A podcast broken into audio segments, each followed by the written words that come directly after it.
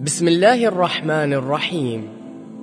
قال رسول الله صلى الله عليه وآله وسلم حسين مني وأنا من حسين. أحب الله من أحب حسينا. تقدم لكم شبكة المنير محاضرة الليلة الخامسة لشهر محرم الحرام لعام 1435 للهجرة بعنوان المنهج الإمامي في قراءة النص. لسماحة العلامة السيد منير الخباز حفظه الله. بمأتم السيدة الزهراء عليها السلام بصفوة. صلى الله وسلم عليك يا رسول الله. وعلى أهل بيتك المعصومين المنتجبين يا ليتنا كنا معكم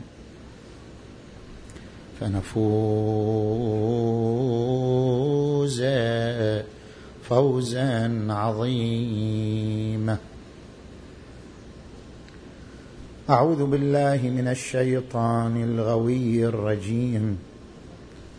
بسم الله الرحمن الرحيم. فلولا نفر من كل فرقة منهم طائفة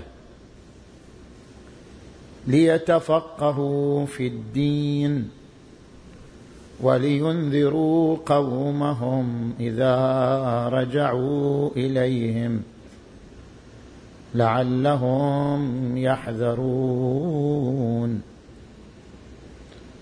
آمنا بالله صدق الله العلي العظيم.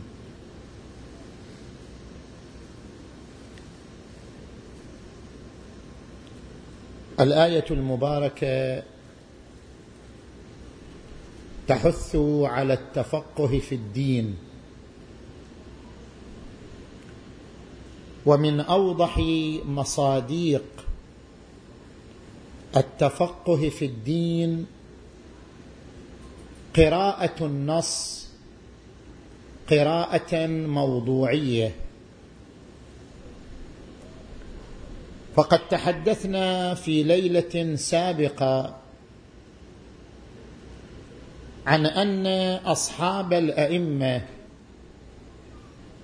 وعلماء الإمامية منذ زمن الأئمة الطاهرين إلى زماننا بذلوا الجهود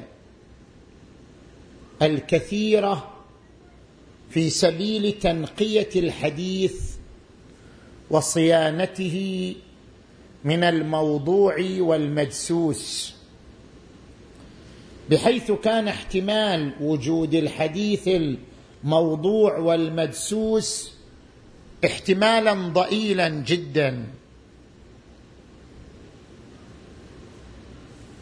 ولكن السؤال الذي يطرح هل أن كل حديث صحيح من ناحية السند؟ بمعنى أن رواة الحديث موثوقون وممدوحون. هل يؤخذ به أم لا؟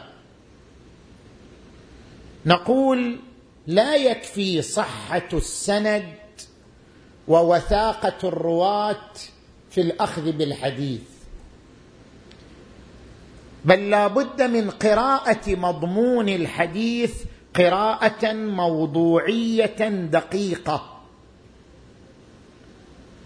فإذا قرئ الحديث قراءة موضوعية دقيقة ورؤي أنه صحيح من جهة مضمونه حينئذ يكون هذا الحديث حجة.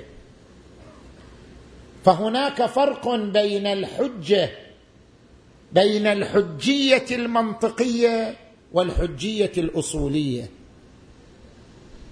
فالحجية المنطقية بمعنى هل أن هذا الخبر صدر أو لم يصدر؟ فإن كان راويه ثقة فقد صدر وإلا فلم يصدر. بينما الحجية الأصولية تقول لا يكفي أن نقتنع بأن هذا الحديث قد صدر وأن رواته ثقات بل لا بد أن نبحث عن أمر زائد. هل أن هذا الحديث يعمل به أو لا يعمل به؟ وهذا هو معنى الحجية الأصولية بمعنى هل يجوز العمل به والتعويل عليه أم لا؟ اذا هناك فرق بين الصحة السندية والصحة المضمونية. قد يكون الحديث صحيح من ناحية سنده وطريقه ورواته لكن مضمونه غير صحيح فلا يعمل به. لأجل ذلك سوف نبحث هذه الليلة في محاور ثلاثة عن الصحة المضمونية والحجية الأصولية والقراءة الموضوعية للحديث. المحور الأول ما هي ركائز القراءة الموضوعية؟ كيف نقرأ الحديث قراءة موضوعية؟ هل هناك شروط؟ هل هناك ركائز؟ نعم. نذكر هذه الركائز ركائز القراءة الموضوعية للحديث الوارد. الركيزة الأولى أن لا يكون الحديث مصادما للعقل البديهي. فإذا كان مصطدما مع العقل البديهي فهو وإن كان صحيحا سنده لكنه لا يعمل به. أضرب لك مثال.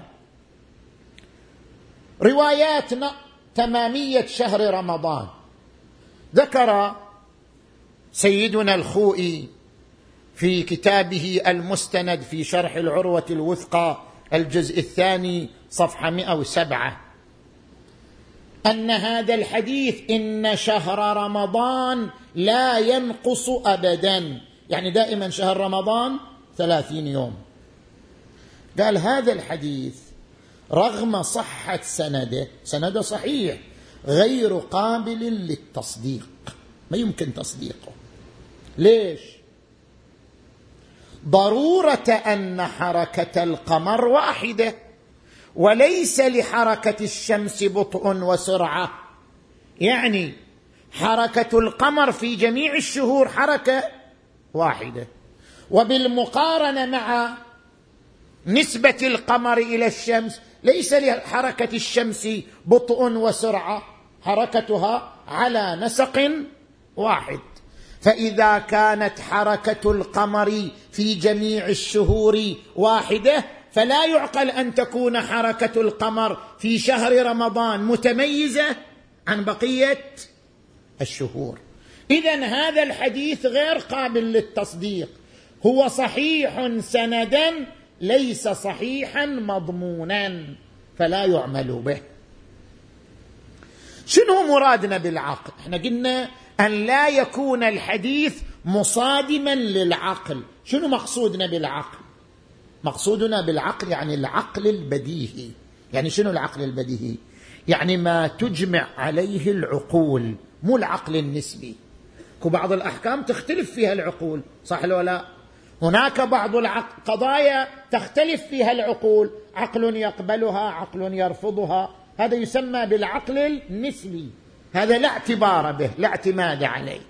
وهناك قضايا تتفق العقول كلها. إما على صحتها أو على بطلانها. هذا يسمى العقل البديهي. نحن عندما نقول أن لا تكون الرواية مصادمة للعقل نقصد العقل البديهي يعني ما تتفق العقول على قبوله أو رفضه لا ما تختلف فيه العقول. ربما يتبادر لذهن الإنسان أن المقصود بالعقل العقل السليم والعقل السليم عبارة عما تقتضيه طبيعة الأشياء.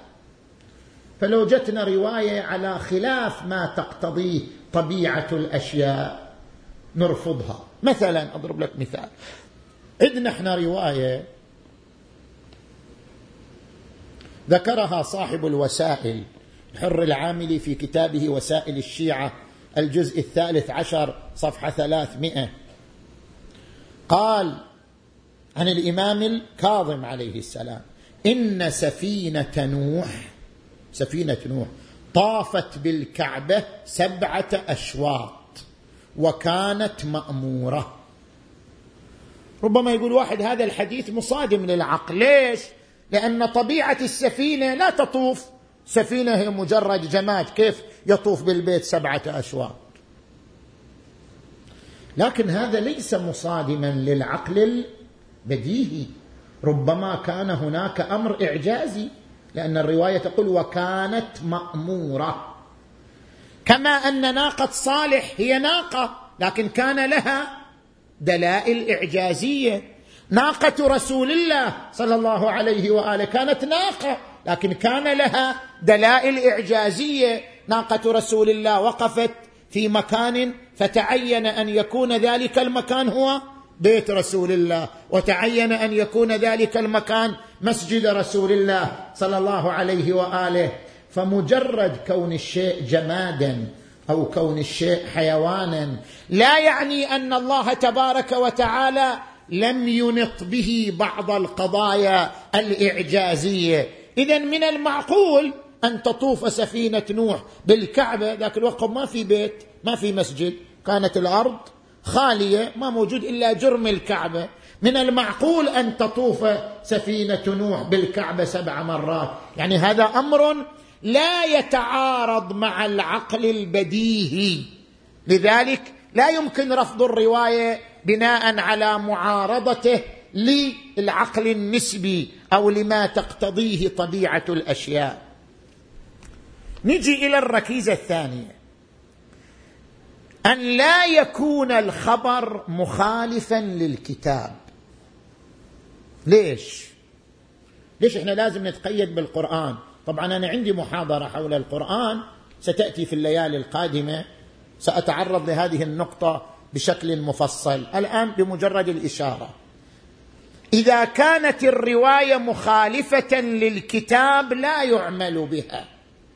لأجل موثقة السكون عن أبي عبد الله عليه السلام إن رسول الله صلى الله عليه وآله قال إن على كل حق حقيقة وعلى كل صواب نورا فما وافق كتاب الله فخذوه وما خالف كتاب الله فدعوه فأي حديث يخالف القرآن يطرح.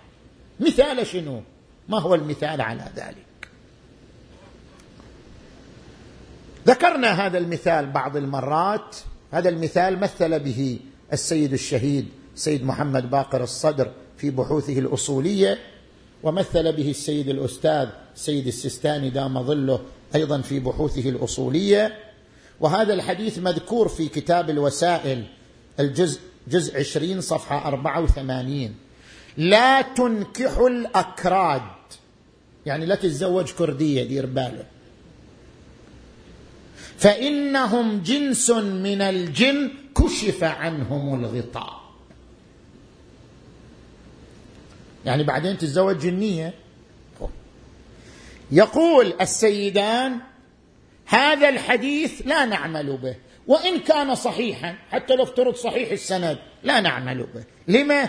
لمخالفته للكتاب. وذلك قوله عز وجل ولقد كرمنا بني آدم وحملناهم في البر والبحر ورزقناهم من الطيبات وفضلناهم على كثير ممن خلقنا تفضيلا. فهذه الرواية وإن كانت أخص من عموم الكتاب لكن لسان الآية لسان يأبى التخصيص. لذلك لا يؤخذ بهذا الخبر. زين. نجي إلى الركيزة الثالثة. أن لا يصطدم الحديث مع الحقائق العلمية. مو مع النظريات. أكو نظريات وأكو حقائق. النظريات العلمية تتبدل بين فترة وأخرى. فلا يقاس عليها ولا تعتبر ميزانا في قبول الحديث أو رفضه. الميزان الحقائق وليس النظريات. يعني إذا وصلت النظرية إلى مستوى أنها حقيقة مسلمة حينئذ يعتد بها في قبول الحديث ورفضه. أضرب لك مثال. سيدنا الخوئي قدس سره في كتابه المستند في شرح العروة الوثقى الجزء الأول صفحة 360 تعرض لهذه الرواية صحيحة محمد بن مسلم. يكره صلاة الجنازة عند طلوع الشمس وعند غروبها. صلي صلاة الجنازة؟ لا تصليها عند الطلوع لا تصليها عند الغروب. ليش؟ تعليل شوف التعليل الوارد خب لأنها يعني الشمس تغرب بين قرني الشيطان وتطلع بين قرني الشيطان. شيطان قاعد وعنده قرون منا وقرون منا الشمس تطلع منه. لأنها تطلع تغرب بين قرني الشيطان وتطلع بين قرني الشيطان. الروايه صحيحة السنة لكن سيدنا الخوي قدس سره يعلق عليها يقول إن هذا التعليل إنما يكون معقولا لو كان للشمس طلوع وغروب حقيقي وليس كذلك. يعني الشمس ما لها طلوع وغروب شو ما لها طلوع وغروب. مقتضى كروية الأرض وحركتها أن الشمس في كل لحظة فيها طلوع وفيها غروب. كل لحظه الشمس تطلع على بلد تغرب عن بلد آخر. فما إليها طلوع وغروب حقيقي حتى تطلع بين قرني الشيطان وتغرب بين قرني الشيطان. هذا لو كان لها غروب حقيقي ما لها غروب حقيقي. الشمس في كل آن في كل لحظة هي بالنسبة لبلد. غربت بالنسبة لبلد. شنو؟ طلعت. هذا مقتضى كروية الأرض وحركتها. زين. فهذه الرواية عند سيدنا قدس سره أيضا لا يعمل بها وإن كانت صحيحة السند يعني التعليل الوارد فيها. زين. الركيزة الرابعة أن لا يكون الحديث مصادما لعقيدة مسلمة. عقيدة مسلمة الحديث ينافيها مثل شنو؟ مثل روايات نسبة السهو إلى النبي صلى الله عليه وآله. عندنا عدة روايات وهي صحيحة يعني رواتها كلهم ثقات. أن النبي نام عن صلاة الفجر ولم يستيقظ حتى آذاه حر الشمس. يوم الشمس وصلت لجسمه وحرته يا الله قعد. وفي بعض الروايات أنه صلى صلاة الظهر في المدينة ركعتين مع أنه حاضر وغير مسافر. هذه الروايات التي تنسب السهو إلى النبي صلى الله عليه وآله مع أنها صحيحة سندا ما هو موقف علمائنا منها؟ لاحظوا معي. الشيخ المفيد كتب رسالة مستقلة في نفي السهو عن النبي. الحر العاملي صاحب الوسائل في الجزء الثامن صفحة 199 قال إن هذه الأحاديث يعني اللي تتكلم أن النبي يسهو محمولة على التقية. ليش؟ لكثرة الأدلة العقلية والنقلية على استحالة السهو عن النبي محمد صلى الله عليه وآله.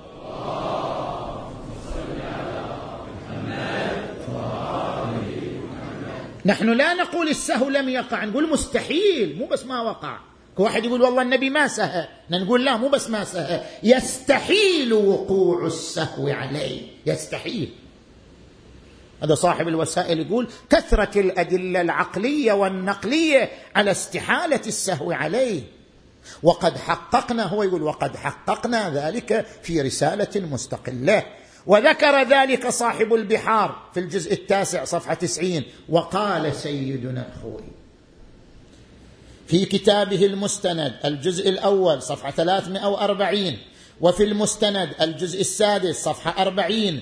إن هذه الأخبار يعني أخبار سهو النبي. وإن كانت إن هذه الأخبار بالرغم من صحة أسانيد جملة منها لكنها غير قابلة للتصديق. ما يعقل ما تصدق هذه الأخبار. لمخالفتها لأصول المذهب كما لا يخفى. زين. فاذا لا يعمل به. تطرح. زين. نجي إلى الركيزة الخامسة.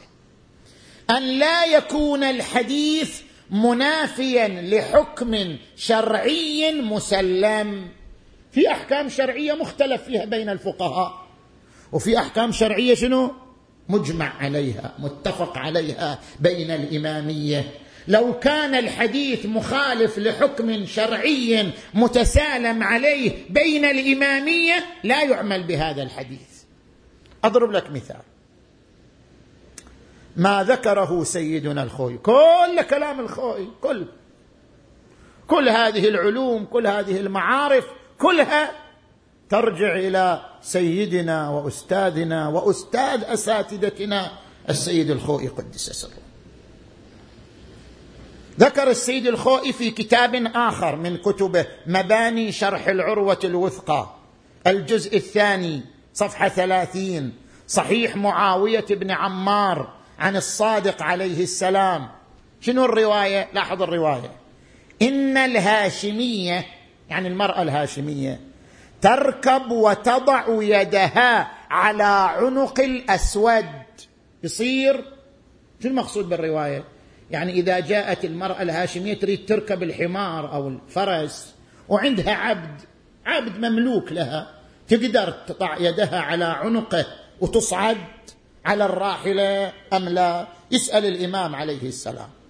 فقال عليه السلام الصادق اقرأ هذه الآية لا جناح عليهن في آبائهن ولا أبنائهن إلى أن بلغ ولا ما ملكت أيمانهن. ثم قال يا بني لا بأس أن يرى المملوك الشعر والساق. يعني إذا امرأة تملك عبد لا بأس أن يرى المملوك شعرها وساقها.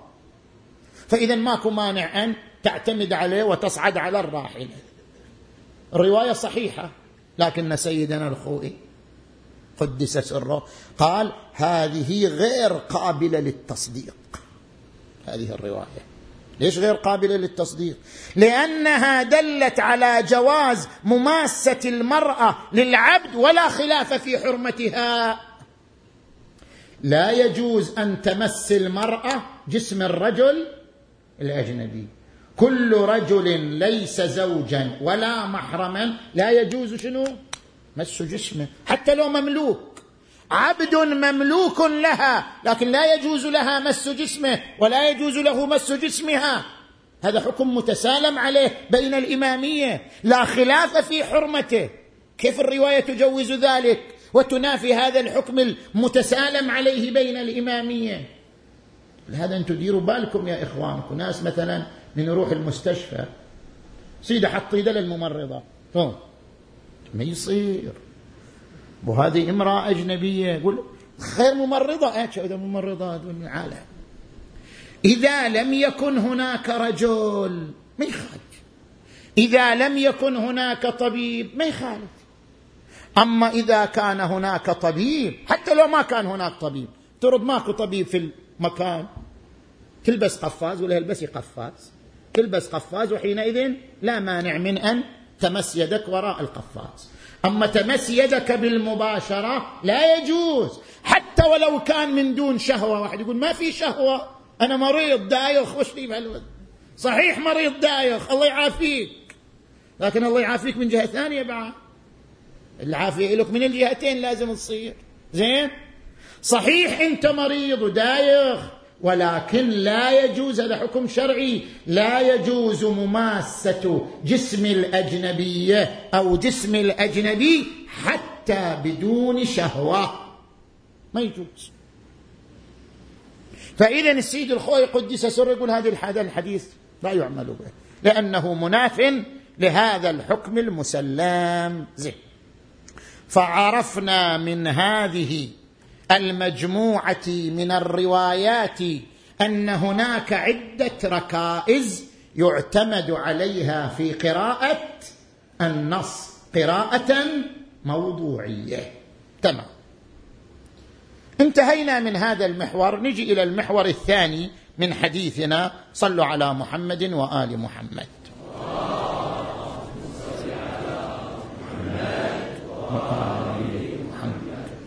نحن ما هو المبرر لنا لقراءة النص قراءة موضوعية. المبرر الأول أننا نحقق حجية النص لأن النص لا يكون حجة. إذا كان مضمونه مخالفا للعقل البديهي أو للقرآن أو لحقيقة علمية أو لمسلم عقائدي أو لمسلم شرعي. فلأجل تحقيق الحجية لابد من قراءة المضمون. هذا المبرر الأول. المبرر الآخر رفع التعارض. لو تعارض عندنا خبران من أجل أن نرجح أحد الخبرين على الآخر نقرأ مضمونهما. فالخبر الموافق للكتاب نأخذ به والخبر المخالف للكتاب نطرحه. المبرر الثالث أن هذا الراوي كيف نكتشف أن هذا الراوي إنسان يعني دقيق في نقله أو غير دقيق؟ نقرأ رواياته أول. افترض هذا الراوي روى لنا خمسين رواية. نقرأ الخمسين. إذا استكشفنا من رواياته أنها موافقة للقواعد موافقة للقرآن. إذا هذا يكشف أن الراوي دقيق وضابط. أما إذا رأينا أن روايات هذا الراوي منها ما هو مخالف للقرآن منها ما هو مخالف للمسلمات منها ما هو مخالف حينئذ نتوقف في قبول روايته. ولذلك تشوف علماء الرجال دقيقين يقولون حديثه منكر. حديثه منكر يعني شنو؟ يعني هو وإن كان ثقة خوش آدمي لكن رواياته مخالفة للقواعد. أو يقولون حديثه يعرف وينكر. يعني بعض موافق للقواعد بعض مخالف للقواعد. أو يقولون فلان صحيح الحديث. يعني رواياته كلها موافقة للقواعد. فمن أجل تحقيق حال الراوي لا بد من قراءة رواياته قراءة موضوعية. زين هذه مبررات قراءة الحديث. إنما إحنا نريد نتحدث في المحور الثاني ما هي المؤهلات لقراءة النص قراءة موضوعية؟ هل من حق كل شخص يقرأ النص قراءة موضوعية أم لا؟ سؤال. انت الان تشوف في الواتساب كل يوم ما تجيك رسالة صح لو لا؟ هذه هذه الرواية غير صحيحة. زين منو منو الكاتب؟ ما أدري عنه. هذه الرواية عمم الرساله جزاك الله خيرا. عممها على وين؟ عمم أنا ما أدري وش مصدرها. وتجيك رسائل مختلفة في الواتساب. هذه الرواية مو صحيحة هذه الرواية صحيحة. نحن حققنا كذا نحن تتبع. من هو هذا المحقق؟ من هو هذا المتتبع؟ ما هي مؤهلاته؟ ما هي كفاءته العلمية؟ لا يمكن الاعتماد على كل رسالة تجينا في الواتساب. أو يجيك بعض الشباب مثلا بعض الشباب عنده ثقافة بس هو يظن أنه ما دام عنده ثقافة صار شنو؟ صار خلاص بعد. من حق أن يرد الأحاديث ويرفضها ويصحح بعضها ويضعف البعض الآخر. خلاص. لا يا أخي مو شكل المسألة مسألة كفاءة علمية. إذا موجودة على عيننا وعلى رأسنا إحنا ما عندنا مشكلة. بدل ما يصير العلماء ألف خلوا يصيروا مليون. صح لو لا؟ كل ما زاد عدد العلماء في صالحنا. المهم أن تمتلك الكفاءة العلمية. لقراءة الأحاديث قراءة موضوعية. فإذا امتلك الكفاءة العلمية فلا مانع هذا اختصاص فلا مانع منه. يكون مصداقا للآية الشريفة فلولا نفر من كل فرقة منهم طائفة لي يتفقهوا إذا صار فقيه في الدين نقبل كلامه ما عندنا مشكلة. زين. فما هي المؤهلات؟ يا إخوان التفتوا. فما هي المؤهلات لقراءة الحديث قراءة موضوعية. زين. المؤهل الأول أن تكون القراءة مجموعية لا تجزيئية. يجيك واحد ياخذ رواية ويقول هذه الرواية ضعيفة هذه الرواية موضوعة هذه الرواية مدسوسة. هذه القراءة غير علمية. ليش؟ حتى تكون القراءة قراءة علمية يجب أن تقرأ مجموع الروايات كلها. حتى تصير عندك خبرة بأحاديث أهل البيت؟ مثل ما الآن واحد يجي يفسر القرآن عندما يفسر الآية القرآنية منفصلة عن القرآن لن يكون تفسيره دقيقا. بخلاف ما لو كانت لديه خبرة بمجموع آيات القرآن خبرة بجميع مقاصد القرآن فسوف يكون تفسيره لكل آية ضمن خبرته وضمن قراءته المجموعية لآيات القرآن الكريم. نفس الكلام في روايات أهل البيت. القراءة التجزيئية لأي رواية لن تكون قراءة دقيقة.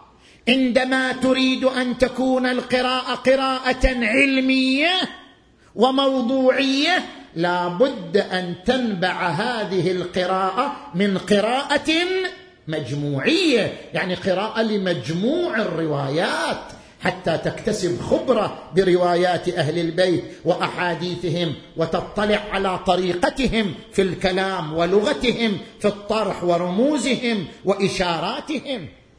من هنا أقرأ لك بعض الروايات. لاحظ معي جيدا. شوف هذه الرواية. صحيحة منصور بن حازم. قلت لأبي عبد الله أبي عبد الله الصادق عليه السلام ما بالي أسألك عن المسألة فتجيبني فيها بالجواب ثم يجيئك غيري فتجيبه بجواب آخر. كيف؟ أنا أسألك تجاوبني بجواب. يجي واحد غيري يسألك نفس المسألة تجاوبه شنو؟ جواب ثاني كيف؟ فأجابه. إيش قال للامام الصادق؟ قال إنا نجيب الناس على الزيادة والنقصان. كيف يعني على الزيادة والنقصان؟ يعني نجيب كل شخص على مقدار؟ على مقدار شنو؟ عقله. هذا نعطيه نصف المعلومة. هذا نعطيه ثلاث هذا نعطيه هكذا وهكذا. نجيب الناس على الزيادة والنقصان طريقتنا في الإجابة ليست طريقة واحدة. طريقة تختلف باختلاف مستويات الناس باختلاف مستويات السائلين باختلاف المقامات والمواقع. إنا نجيب الناس على الزيادة والنقصان. لاحظ هذا الحديث الآخر عن الصادق عليه السلام. لا يكون الرجل منكم فقيها. انت اللي تريد تقرأ الروايات قراءة موضوعية. استمع هذه الرواية. لا يكون الرجل منكم فقيها حتى يعرف معاريض كلامنا. شنو معنى كلمة المعاريض؟ في اللغة العربية إذا ترجع لكلمة المعاريض المعاريض يعني الرموز والإشارات. يعني الأئمة مو لغتهم صريحة لغتهم فيها رموز وإشارات. فتجي تقرأ الرواية تأخذ الرواية بلفظها الصريح. أخذ الرواية بلفظها الصريح ليس منهجا علميا. لما؟ لأن روايات أهل البيت تتضمن رموز تتضمن إشارات تتضمن معاريض فلأجل أن تقرأ رواياتهم قراءة موضوعية لا بد أن تكون خبيرا بلغتهم عارفا برموزهم مطلعا على إشاراتهم كي تكون قراءتك للحديث قراءة ذات منهج علمي. أقرأ لك بعد هالرواية الثالثة. صحيحة محمد بن مسلم عن أبي عبد الله عليه السلام قال قلت له ما بال أقوام يروون؟ هذه لاحظ شوف هذه النقطة. بعض الصحابة كانوا ينقلوا عن الرسول أحاديث. والأئمة تصدر منهم أحاديث خلاف ذلك. فهذه أثارت أثارت جدل. كيف؟ الصحابة ينقلوا عن النبي روايات وأهل البيت ينقلون عن النبي شنو؟ خلاف ذلك. شنو المسألة؟ صح محمد بن مسلم يسأل الإمام عن هذه الظاهرة. ما بال أقوام يروون عن فلان وفلان عن رسول الله صلى الله عليه وآله. لا يتهمون بالكذب يعني الرواة مو كذابين. افترض أبو سعيد الخدري. مو كل الصحابة نكذبهم. عندنا مجموعة كبيرة من الصحابة. نترضى عليهم ونحترمهم. أبو سعيد الخدري سهل بن سعد الساعدي عبد الله بن عباس عمار بن ياسر أبو ذر الغفاري سلمان الفارسي المقداد. حبيب كثير من الصحابة إحنا مو كل الصحابة. بعض الصحابة عندنا ثقات أجلاء. زين؟ فهذا قاعد يسأل الإمام يقول له بعض الصحابة وهم ثقات ينقلون عن رسول الله الحديث ثم يجيء منكم خلافه. كيف؟ كيف تخالفوا؟ فقال له الإمام. إن الحديث ينسخ كما ينسخ القرآن. شنو معنى الحديث ينسخ كما ينسخ القرآن؟ يعني هؤلاء الصحابة اطلعوا على الحديث المنسوخ ولم يطلعوا على الحديث الناسخ. ونحن لأن أهل البيت وبحر العلم اطلعنا على الحديث الناسخ فرويناه اذا الأحاديث أقسام. انت والله تيجي تريد تقرأ الأحاديث اقرأها صح بس لازم تطلع على أقسامها يا أخي. لا يصير تفريط لا يصير لعب بالأحاديث. الأحاديث فيها منسوخ وناسخ محكم متشابه عام خاص مطلق مقيد مجمل مبين. إذا اطلعت على جميع الأقسام وكانت لك خبرة بقراءة مجموعية للأحاديث فحينئذ يحق لك أن تقرأ الحديث قراءة موضوعية. إن الحديث ينسخ كما ينسخ القرآن. زين.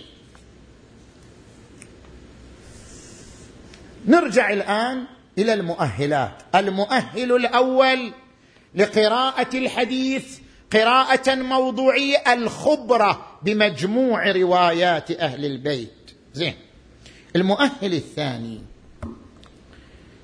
أن تكون مجتهدا في الأصول العقائدية. كيف يعني مجتهد في الأصول العقائدية؟ كيف نعرف أن هذه الرواية مخالفة للعقائد أو غير مخالفة؟ كيف نعرف؟ إنما نعرف أن الرواية مخالفة للعقائد أم غير مخالفة؟ إذا كان لدي اجتهاد فأعرف حدود العقائد. ما هي الحدود؟ إذا عرفت حدود العقائد استطعت أن أقول هذه الرواية منافية للعقيدة؟ هذه الرواية غير منافية. ما إذا أنا ما عندي اطلاع على حدود العقائد. ما هي العقائد المسلمة؟ ما هي غير المسلمة؟ الآن إحنا عندنا مصطلح في الفقه ضرورات مسلمات مشهورات. شنو الفرق بين الضرورات والمسلمات والمشهورات؟ كيف أعرف أن هذه من الضرورات؟ هذه من المسلمات هذه من المشهورات. ما هي حدود المعارف العقائدية من أجل أن أقيس الحديث عليها؟ لابد أن أكون مجتهدا في هذه الجهة. والآن بذكر لك أمثلة تؤيد وتؤكد ما أقول لك. ما هي حدود الغلو؟ الان نسمع دائما أن هذه الرواية فيها شنو؟ غلو. الرواية المشتملة على الغلو تطرح. ما معنى الغلو؟ ما هي حدود الغلو؟ لابد أن تكون صاحب دقة ومنهج علمي حتى تميز ما هو الغلو ما هي حدود الغلو. الآن أذكر لك الوحيد البهبهاني هذا من علمائنا الأعاظم. لعله قبل ثلاثة قرون ثلاثمائة سنة. أنا ما أحفظ بالضبط وقته يعني وقت حياته. بس هذه عبارته في كتابه الفوائد على منهج المقال. قال الظاهر أن القدماء يعني علماءنا القدماء زمان المفيد زمان الصدوق كانوا مختلفين في المسائل الأصولية يعني المسائل العقائدية. فربما كان شيء عند بعضهم فاسدا أو كفرا أو غلوا أو تفويضا أو جبرا أو تشبيها. وكان عند آخر مما يجب اعتقاده. شوف شلون الخلاف ما بينهم. واحد يقول هذا كفر واحد يقول هذا يجب اعتقاده. عالم يقول هذا كفر ويقول عالم لا هذا الكلام مو كفر. هذا يجب اعتقاده. كان بينهم خلاف. وربما كان منشأ جرحهم يعني جرحهم في الرواة وجدان الرواية الظاهرة فيها منهم كما أشرنا انفا. هذا كلام الوحيد البهبهاني. الآن بجيب لك أدلة على صدق كلام الوحيد البهبهاني. لاحظ الآن معي. الشيخ الصدوق شنو قال؟ الشيخ الصدوق بعد ما حد يقدر يطعن في الشيخ الصدوق. الشيخ الصدوق من أعظم وأكابر علماء الإمامية. صاحب كتاب من لا يحضره الفقيه. والإمامية تدين له بهذا الكتاب العظيم. لكن نفس هذا الشيخ الصدوق تدري شنو قايل؟ يقول الشهادة الثالثة في الأذان وهي أشهد أن عليا ولي الله من وضع المفوضة لعنهم الله. يعني الشهادة هذه الثالثة هذه موضوعة. من وضع المفوضه لعنهم الله. زين. علماؤنا الآخرون ماذا يقولون؟ علماؤنا الآخرون يقولون الشهادة الثالثة مستحبة في الأذان وفي غيره. طبعا لاحظوا معي هالجزئية يا إخوان. ما حد يقول الشهادة الثالثة جزء من الأذان. علماءنا السابقون ما يقولوا الشهاده الثالثه جزء من الأذان؟ لا مو جزء من الأذان. لو واحد قال الأذان بدون الشهادة الثالثة أذانه صحيح مو باطل. لكن الأفضل أن يقول الشهادة الثالثة فهي مستحب في نفسه في الأذان وفي غيره. طبقا للرواية المشهورة وهي من قال لا إله إلا الله محمد رسول الله فليقل علي أمير المؤمنين.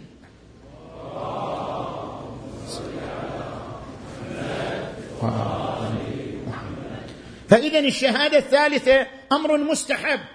إذا الصدوق يقصد أن جزئية الشهادة من الأذان من وضع المفوضه يمكن. بس إحنا ما نقول أنها جزء.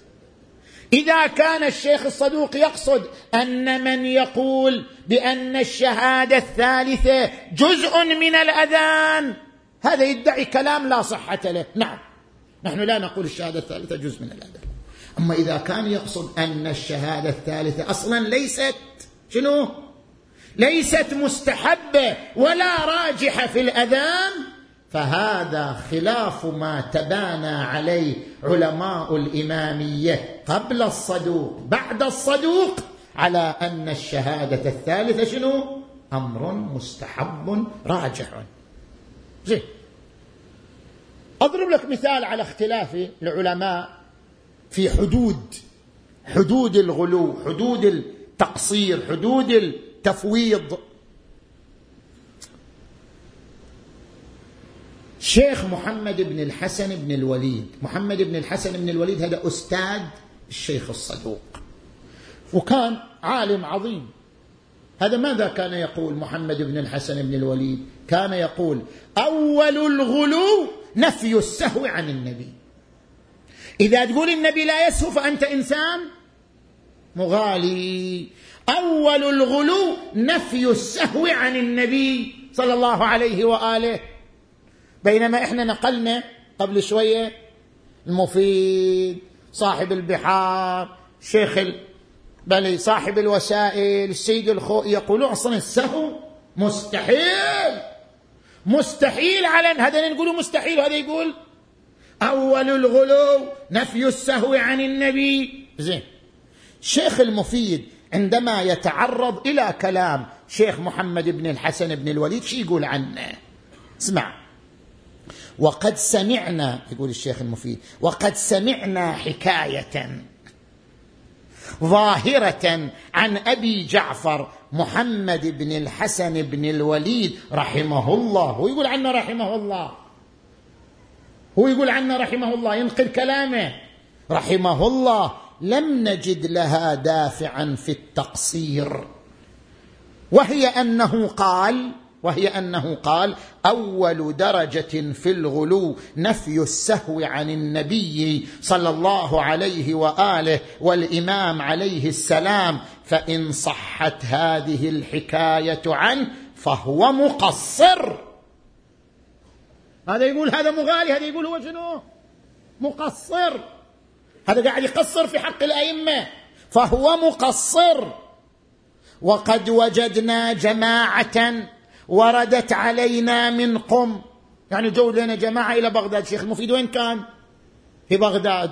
جو إلى جماعة من قم في ذلك الزمان. وقد وجدنا جماعة وردت إلينا من قم يقصرون تقصيرا ظاهرا في الدين.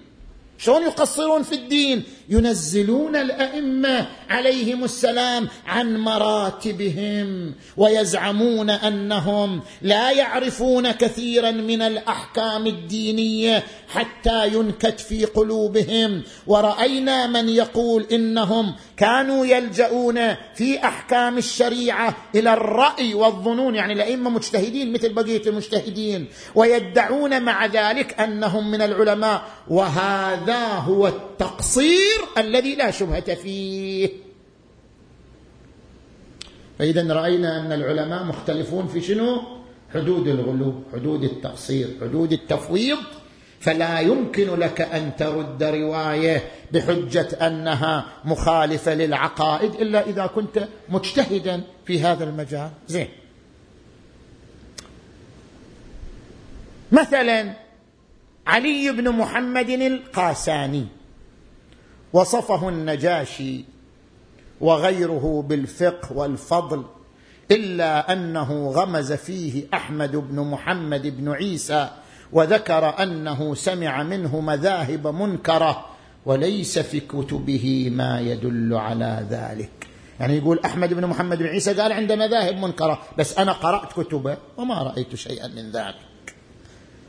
مثلا أحمد بن الحسين بن حماد بن سعيد الأهوازي يقول عنه ابن الغضائري قال القميون كان غاليا وحديثه فيما رأيته سالم. قميين يقولوا عنه مغالي بس أنا قرأت أحاديثه شفت أحاديث سليمة وحديثه فيما رأيته سالم. اذا ما دام هناك خلاف بين القدماء في حدود الغلو وفي حدود التفويض وفي حدود التقصير لأجل ذلك ينبغي على الإنسان الذي يريد أن يقرأ الروايات قراءة موضوعية أن يكون له اجتهاد وأدلة قاطعة وواضحة على حدود الغلو والتقصير والتفويض حتى يرد هذه الأحاديث بهذه الحجة أو بتلك الحجة. زين. هذا المؤهل الثاني. المؤهل الثالث يا إخوان. ليس المناط في قبول الحديث منطق العقل البدوي. قلنا في أول ما بدأنا المحاضرة المناط منطق العقل البديهي. يعني الذي تتفق عليه العقول. لا منطق العقل البدوي. أحيانا العقل بمجرد يقرأ رواية يستغرب مضمونها يقول لا أترك عنك هالخرافة هذه رواية خرافة. يا أخي تأمل تروى شوية تريث لا تتسرع في رفض الرواية. لا تحكم على الرواية بمنطق العقل البدوي. لابد أن تستند إلى منطق العقل البديهي. لماذا؟ لأن هناك مجموعة من الأحكام صدرت في الروايات على نحو التعبد من قبل المشرع الأقدس. أضرب لك مثال. كلكم سمعتم صحيحة أبان أبان بن تغلب. شنو الصحيحة؟ سأل الإمام عليه السلام ما تقول في رجل قطع إصبع من أصابع المرأة؟ قطع إصبع من أصابعها. قال عليه عشر من الإبل. ديتها دية الإصبع الواحد عشر من الإبل. قلت قطع إصبعين. قال عليه عشرون. قلت قطع ثلاثة. قال عليه ثلاثون. قلت قطع أربعة. قال عليه عشرون. نعود على ورحنا. شلون؟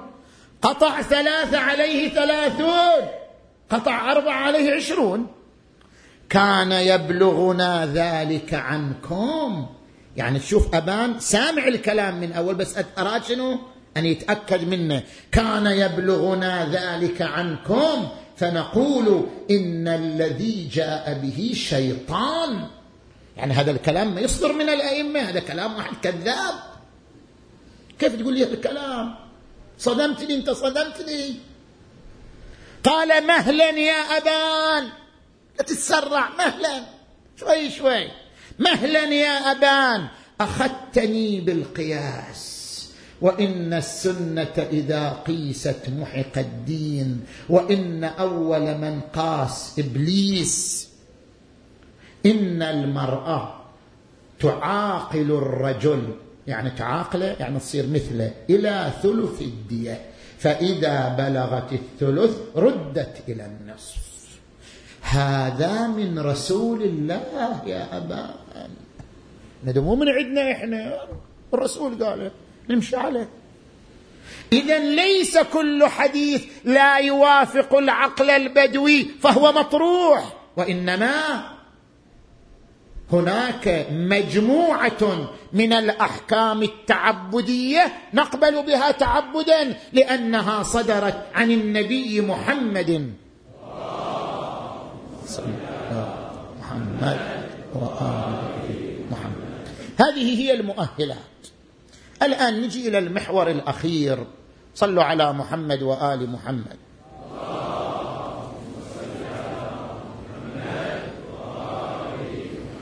المحور الأخير.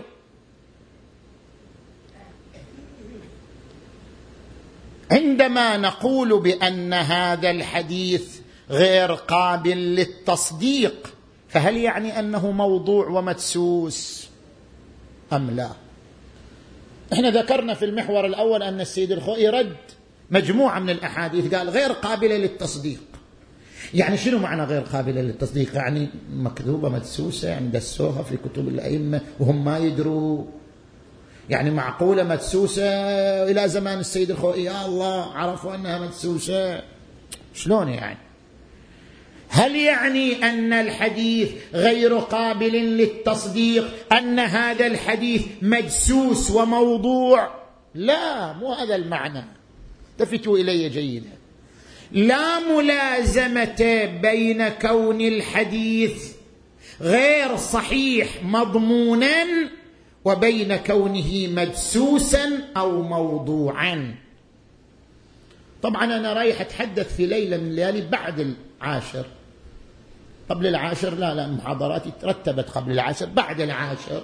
رايح أتعرض إلى مصطلح الإسرائيليات في النصوص مصطلح الأخبار الدخيلة والموضوعه في النصوص. بس الآن أنا أشير إشارة إلى هذا المعنى. بيان ذلك. شوفوا مثلا السيد الخوئي يقول تفسير علي بن إبراهيم صحيح. إيش معنى صحيح؟ يعني الرواة الذين وقعوا في تفسير علي بن إبراهيم ثقات ما لم يقدح فيهم أحد من علماء الرجال. بس مو معنى التفسير صحيح لا. قلنا في بداية المحاضرة فرق بين الصحة السندية والصحة المضمونية. تفسير علي بن إبراهيم صحيح صحيح سندان لكنه لا يعني أنه صحيح مضمونا ولهذا شفنا السيد الخوي وضع ركائز. أحاديث صحيحة ردها. لما؟ قال صحيحه سندا ليست صحيحة. مضمونا تفسير علي بن إبراهيم كل راو من رواة تفسير علي بن إبراهيم ثقة إلا إذا قدح فيه من قبل علماء الرجال. هذا معنى صحة تفسير علي بن إبراهيم. لا يعني أن مضمون التفسير صحيح؟ لا. سيد الخوي وضع ركائز وأشرنا إليها ركائز خمسة مشى عليها في منهجه في الفقه وفي منهجه في العقائد. زين. إذا بالنتيجة لو افترضنا أن هذا الحديث مضمون غير صحيح غير قابل للتصديق. يعني مدسوس؟ لا. كيف مو مدسوس؟ وهو غير قابل للتصديق. آه. لعله صدر عن الإمام تقية. هل هناك أحاديث تصدر عن الأئمة تقية؟ نعم. نعم كثير. شلون؟ كان الأئمة يعيشون ظروف ضاغطة. الأئمة محاصرون كانوا. خصوصا الإمام الباقر في زمانه شيء من حياة الإمام الصادق. الإمام الكاظم أشد. كانت ظروفه ظروف ضاغطة. الأئمة المتأخرين وهم الهادي الجواد والهادي والعسكري كانت ظروفهم ظروف ضاغطة. كانت كان الحاكم الظالم آنذاك يحيط الإمام دائما بجواسيس تراقب كلامه. تراقب تصرفه تراقب حركته تراقب من يتصل به. كان الأئمة يعيشون مثل الإقامة الجبرية.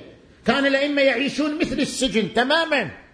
محاطين بالرقباء والجواسيس الذين تراقب كل حركة منهم كل تصرف منهم كل كلام منهم. وبعضهم من الشيعة.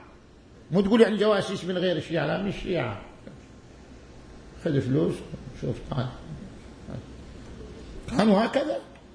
فكان الأئمة محاطين بالرقباء فلأجل ذلك كانوا يعيشون ظروف التقية وظروف الحذر الشديد فأحيانا يقتضي منهم الموقف السكوت.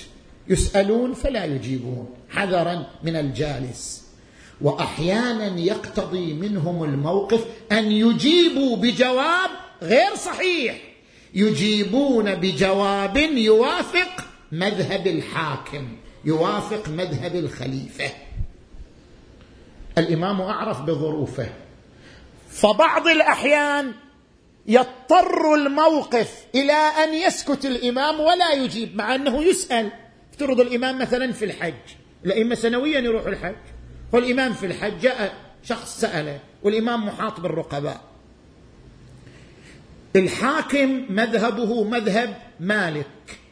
فإذا صدر من الإمام حكم يخالف مذهب مالك يتعرض الإمام للأذى ولا يقتصر الأذى على الإمام بل يسري إلى شيعته ومواليه المخلصين. فالإمام حذرا على شيعته وحذرا على المذهب. أحيانا يسكت عن الإجابة واحيانا يجيب على طبق مذهب مالك مع أنه لا يرى الجواب صحيح. وقد يجيب على طبق مذهب أبي حنيفة هو الإمام نفسه. ولا يجيب على طبق الواقع حذرا على وضع المذهب الإمامي آنذاك. فهناك روايات كثيرة صدرت عن الأئمة في هذه الظروف الضاغطة.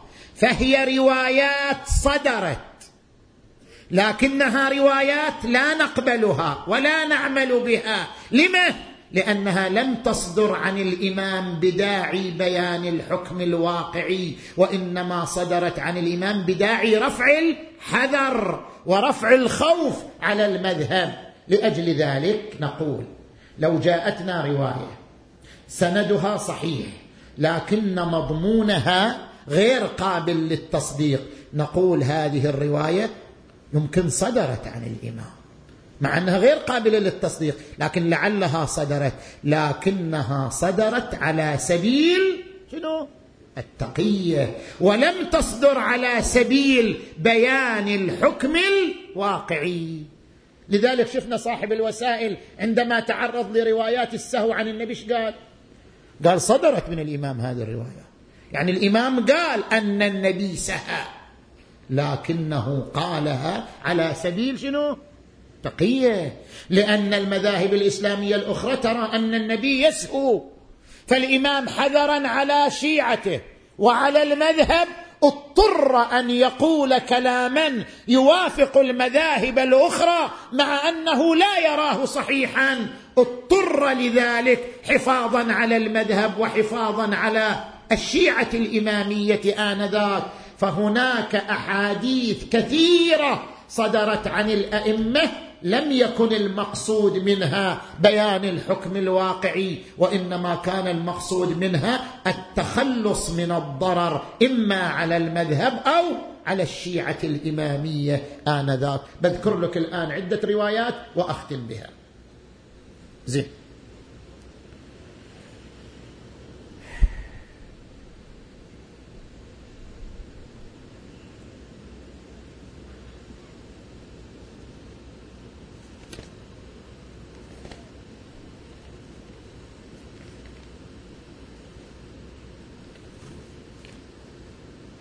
صلوا على محمد وآل محمد.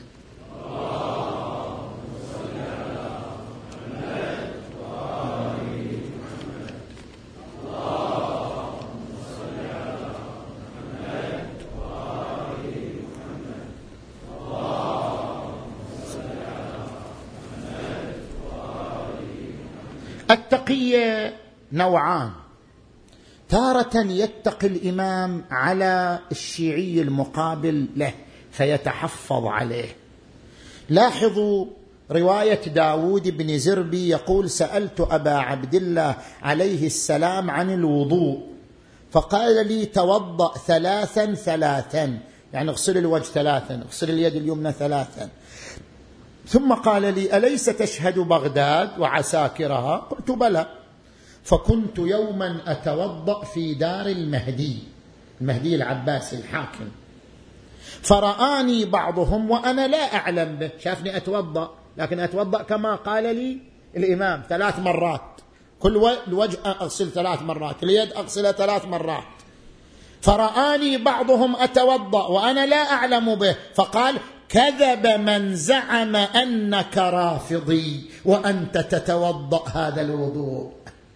تبين أن وضوءك وضوءنا مو وضوء الرافضة. كذب من زعم أنك رافضي. وأنت تتوضأ هذا الوضوء. فقلت آه الآن لهذا والله أمرني الإمام عليه السلام. اذا الإمام عندما قال له توضأ ثلاثا صدر هذا الكلام شنو؟ تقية يعني حفاظا على هذا الشيعي أن لا يتعرض للخطر وإلا إحنا ما عندنا أنه ثلاثا عندنا يستحب التثنية تثنية غسل الوجه تثنية غسلة غسل اليد اليمنى اليد اليسرى. عند بعض العلماء تحفظ وتأمل واحتياط وجوبي في الغسلة الثانية. ما عندنا أنه ثلاثا ثلاثا. زين. رواية أخرى. سلم بن محرز قلت لأبي عبد الله عليه السلام إن رجلا مات وأوصى إلي بتركته يعني خلاني الوصي وترك ابنته يعني ما عنده لا أب لا أم لا ولد ما عنده إلا بنت. شقد البنت لها؟ شقد طبعا إحنا عندنا المذهب الإمامي كل المال. بينما عند المذاهب الإسلامية الأخرى تعطى البنت شنو؟ النصف. وأخوه بارد مبرد ياخذ البقيه ها؟ أخوه أو يسموها العصبة توريث العصبة. إحنا ما نرى توريث العصبة. إحنا نقول تمام المال للبنت. زين. الإمام إيش قال هنا الإمام الصادق. قال أعطها النصف. دعوه فأخبرت زرارة قلت الإمام يقول أعطيها النصف. كيف؟ فقال لي اتقاك. يعني خاف منك. فقال لك الحكم على سبيل التقية اتقاك. إنما المال لها فدخلت عليه بعد ذلك. زرت الإمام مرة ثانية. قلت أصلحك الله. إن أصحابنا زعموا أنك اتقيتني. فقال لا والله ما اتقيتك؟ ولكني اتقيت عليك. يعني أنا خفت عليك أن تعطيها المال كله؟ ثم عمها يروح يشتكي عليك. عند الحاكم آنذاك. وتؤخذ. صح لو لا؟ ما اتقيت منك ولكني اتقيت عليك. فهل تضمن؟ تضمن أن ما بيصير ضرر عليك إذا أعطيتها المال كله؟ نعم. قال فأعطها ما بقي. اذا هذا الحكم صدر على سبيل التقية. وتارة تكون التقية في الفتوى. يعني الإمام أحيانا يفتي فتوى على سبيل التقية. مثلا قال أبو عبد الله في صحيحة الحلبي قال أبو عبد الله الصادق عليه السلام كان أبي أبي يعني الباقر يفتي وكان يتقي. في صيد البزات والصقور. الصقر إذا اصطاد فريسة هل تحل هذه الفريسة أم لا؟ صقر طلع صاد فريسة. هل يحل أكلها بدون تذكية أم لا؟ يعني افترض الصقر اصطاد غزالة اصطاد غزالة وأمسك بها وماتت. هل يحل أكلها بدون تذكية؟ في بعض المذاهب الإسلامية الأخرى نعم يحل أكلها بدون تذكية. الإمام الباقر أفتى على طبق بعض المذاهب الإسلامية الأخرى تقية. وكان يتقي في صيد البزاة والصقور. وأما الآن الإمام الصادق يقول وأما الآن لأن حكم بني أمية انتهى وصارت فرصة بين حكم بني أمية وحكم بني العباس. اذا أنا الآن ما عندي تقية أقدر أصرح بالحكم الصحيح. أما الآن فإنا لا نخاف فأقول لا يحل صيدها إلا أن تدرك ذكاته فلاحظوا أن بعض الأجوبة صدرت من الإمام شنو؟ تقية. أحيانا الإمام يتقي من الحاكم أحيانا الإمام يتقي من نفس الشيعي. خاف من الشيعي هذا. ليش؟ تعرفوا بعض الشيعة عنده ثرثرة شوية زايدة. اسمع الكلام. إيه اليوم سمعت حكاية اسمعوا لي وش أقول واليوم أقول لكم. وش الوقعة دي؟ فأحيانا الإمام يتقي من هؤلاء أن لا يحسنوا وضع الأمور في مواضعها فلا يفتيهم بالحكم الواقعي. لاحظ هذه الرواية موثقة أبي بصير سألت أبا عبد الله عليه السلام عن القنوت فقال فيما يجهر فيه بالقراءة. يعني القنوت خاص بالصلوات الجهرية. قلت قد سألت أباك الباقر. فقال في الخمس كلها خمس الصلوات كلها فيها قنوت مو بس الصلاة الجهرية. فقال رحم الله أبي إن أصحاب أبي أتوه فسألوه فأخبرهم بالحق ثم أتوني شكاكا فأفتيتهم بالتقية. إذا كان هذا الشيء شاكا وأنا أحتمل أنه يذيع هذا الكلام وإذاعته تكون منشا للخطر فأنا لا أفتيه بالحكم الواقعي إنما أفتيه بالتقية. اذا بهذا المقدار الذي قرأناه الكفاية.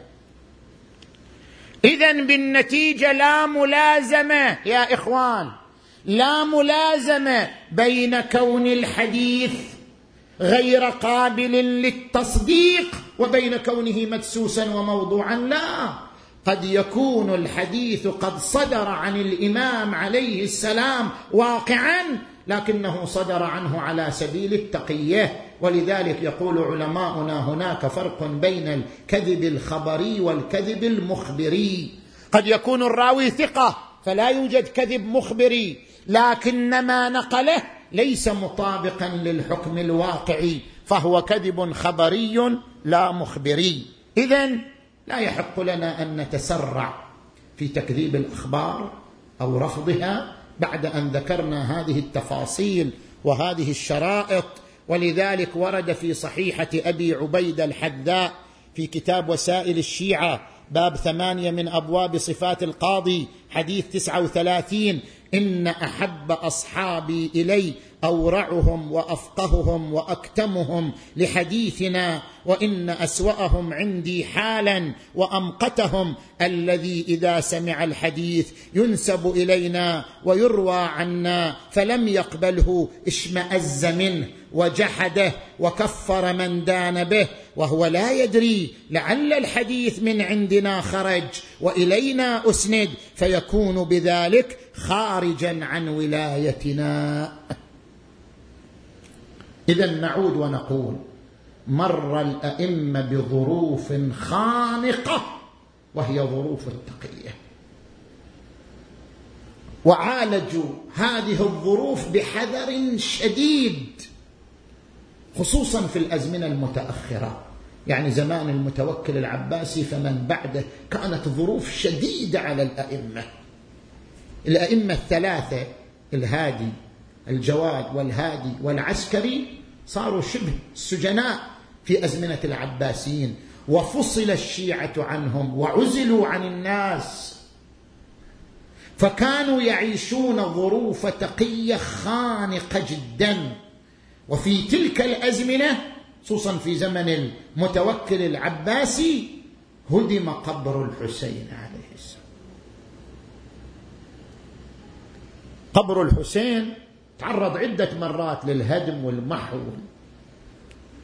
مع أنه قبر الحسين كان في البداية كومة من التراب ما كان مبني كان كومة من التراب.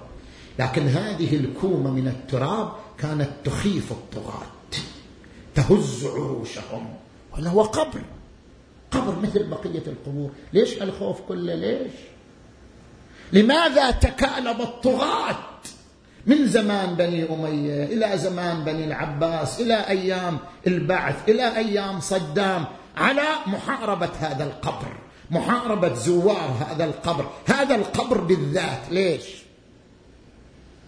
هناك قبور أخرى للأئمة هناك قبور أخرى للأولياء. قبر الحسين بالذات كان مخيفا كان مخيفا للطغاة. مخيفا للحكام. قبر الحسين إذا رآه أحد ترتعد فرائصه كأن صوت الحسين ينطلق من ذلك القبر وهو يقول لا أعطيكم بيدي إعطاء الذليل ولا أفر فرار العبيد. قبر الحسين قطعه مخيفه. منار مخيف. قبر الحسين ولذلك تجد أن قبره على ممر التاريخ منار للزائرين منار للقاصدين لأنه ينبض بالحياة ينبض بالإرهاب والتخويف بالترهيب والتخويف لكل الطغاة ولكل الظالمين. ولذلك في زمن المتوكل هدم القبر ومحي أثره. وقال الشاعر تالله إن كانت أمية قد أتت قبل قتل ابن بنت نبيها مظلوما فلقد أتته بنو أبيه بمثله فغدا لعمرك قبره مهدوما. أسفوا على أن لا يكونوا شاركوا في قتله فتتبعوه رميما. حاربوه وهو قبر فتتبعوه رميما.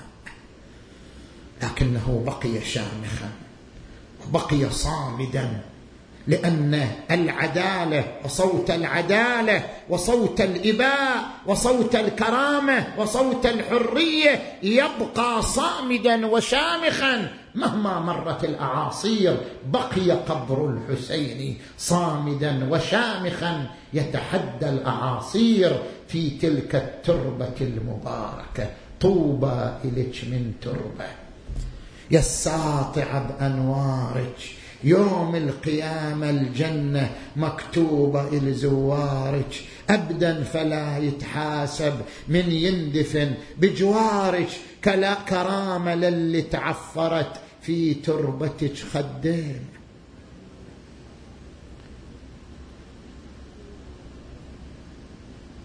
لا وين يا زوار؟ اليوم الزوار عند قبر الحسين. الله أكبر. جمعة ومحرم. لا وين يا زوار؟ قالوا أرض الطفوف نزور الذي ظلوا بلا روس ولا جفوف. مرمي أخيل الأعوجية فوقه الطوف. مرمي أخوته عن شماله وعن يمينه. وإحنا نخاطب بقلوبنا بدموعنا زوار أبي عبد الله. أيها الزوار يا من وصلتم إلى الضريح الشريف؟ يا زاير ضريح حسين عني بلغ رسالة وصل للضريح قول ومنك العين. همالة شنو الرسالة؟ صدق يا ابن النبي صدرك. صدق يا ابن النبي صدرك داس الشمر. داس الشمر بنعاله وصدق رأسك على الخطيه يقرأ من الوحي آيات. نزل الحسين كربلاء طنب خيامه خرجت زينب رأت الجيش محيط بالمخيم أقبلت إلى أبي الفضل قالت أبا الفضل لقد أحدق الجيش بنا. وأحاطت العساكر بمخيمنا شافت العسكر وأصبحت زينب حزينة. نادت على العباس يا حامي الضعيف على والينا يردنا للمدينة. قبل المسا يمسي وقبل ما يهود الليل. قال لها أنا ما أقدر أتقدم لأخوي حسين بالشار والأرض هذه كربلاء والشهر عاشور. فوز وشهاده ومرجله ونور على نور. اليوم يوم المرجلة وعز الرجاج. لا تهيجيني ولا يديش بقلبك الخاف. ما يروعني طعن الرماح وضرب السيوف بس اطلبي من الله يسلم لي هالجفوف. لحمل على العسكر وذكرهم أبونا. قالت عرفك عرفك بالحرام يا أخويا وافي. وقطع الزند هذا الذي منا مخاف. اليوم بمعزة وبعدكم. مدري شوافي. ياهو اللي يرد الخيل لو هجمت علينا. فقاموا بها.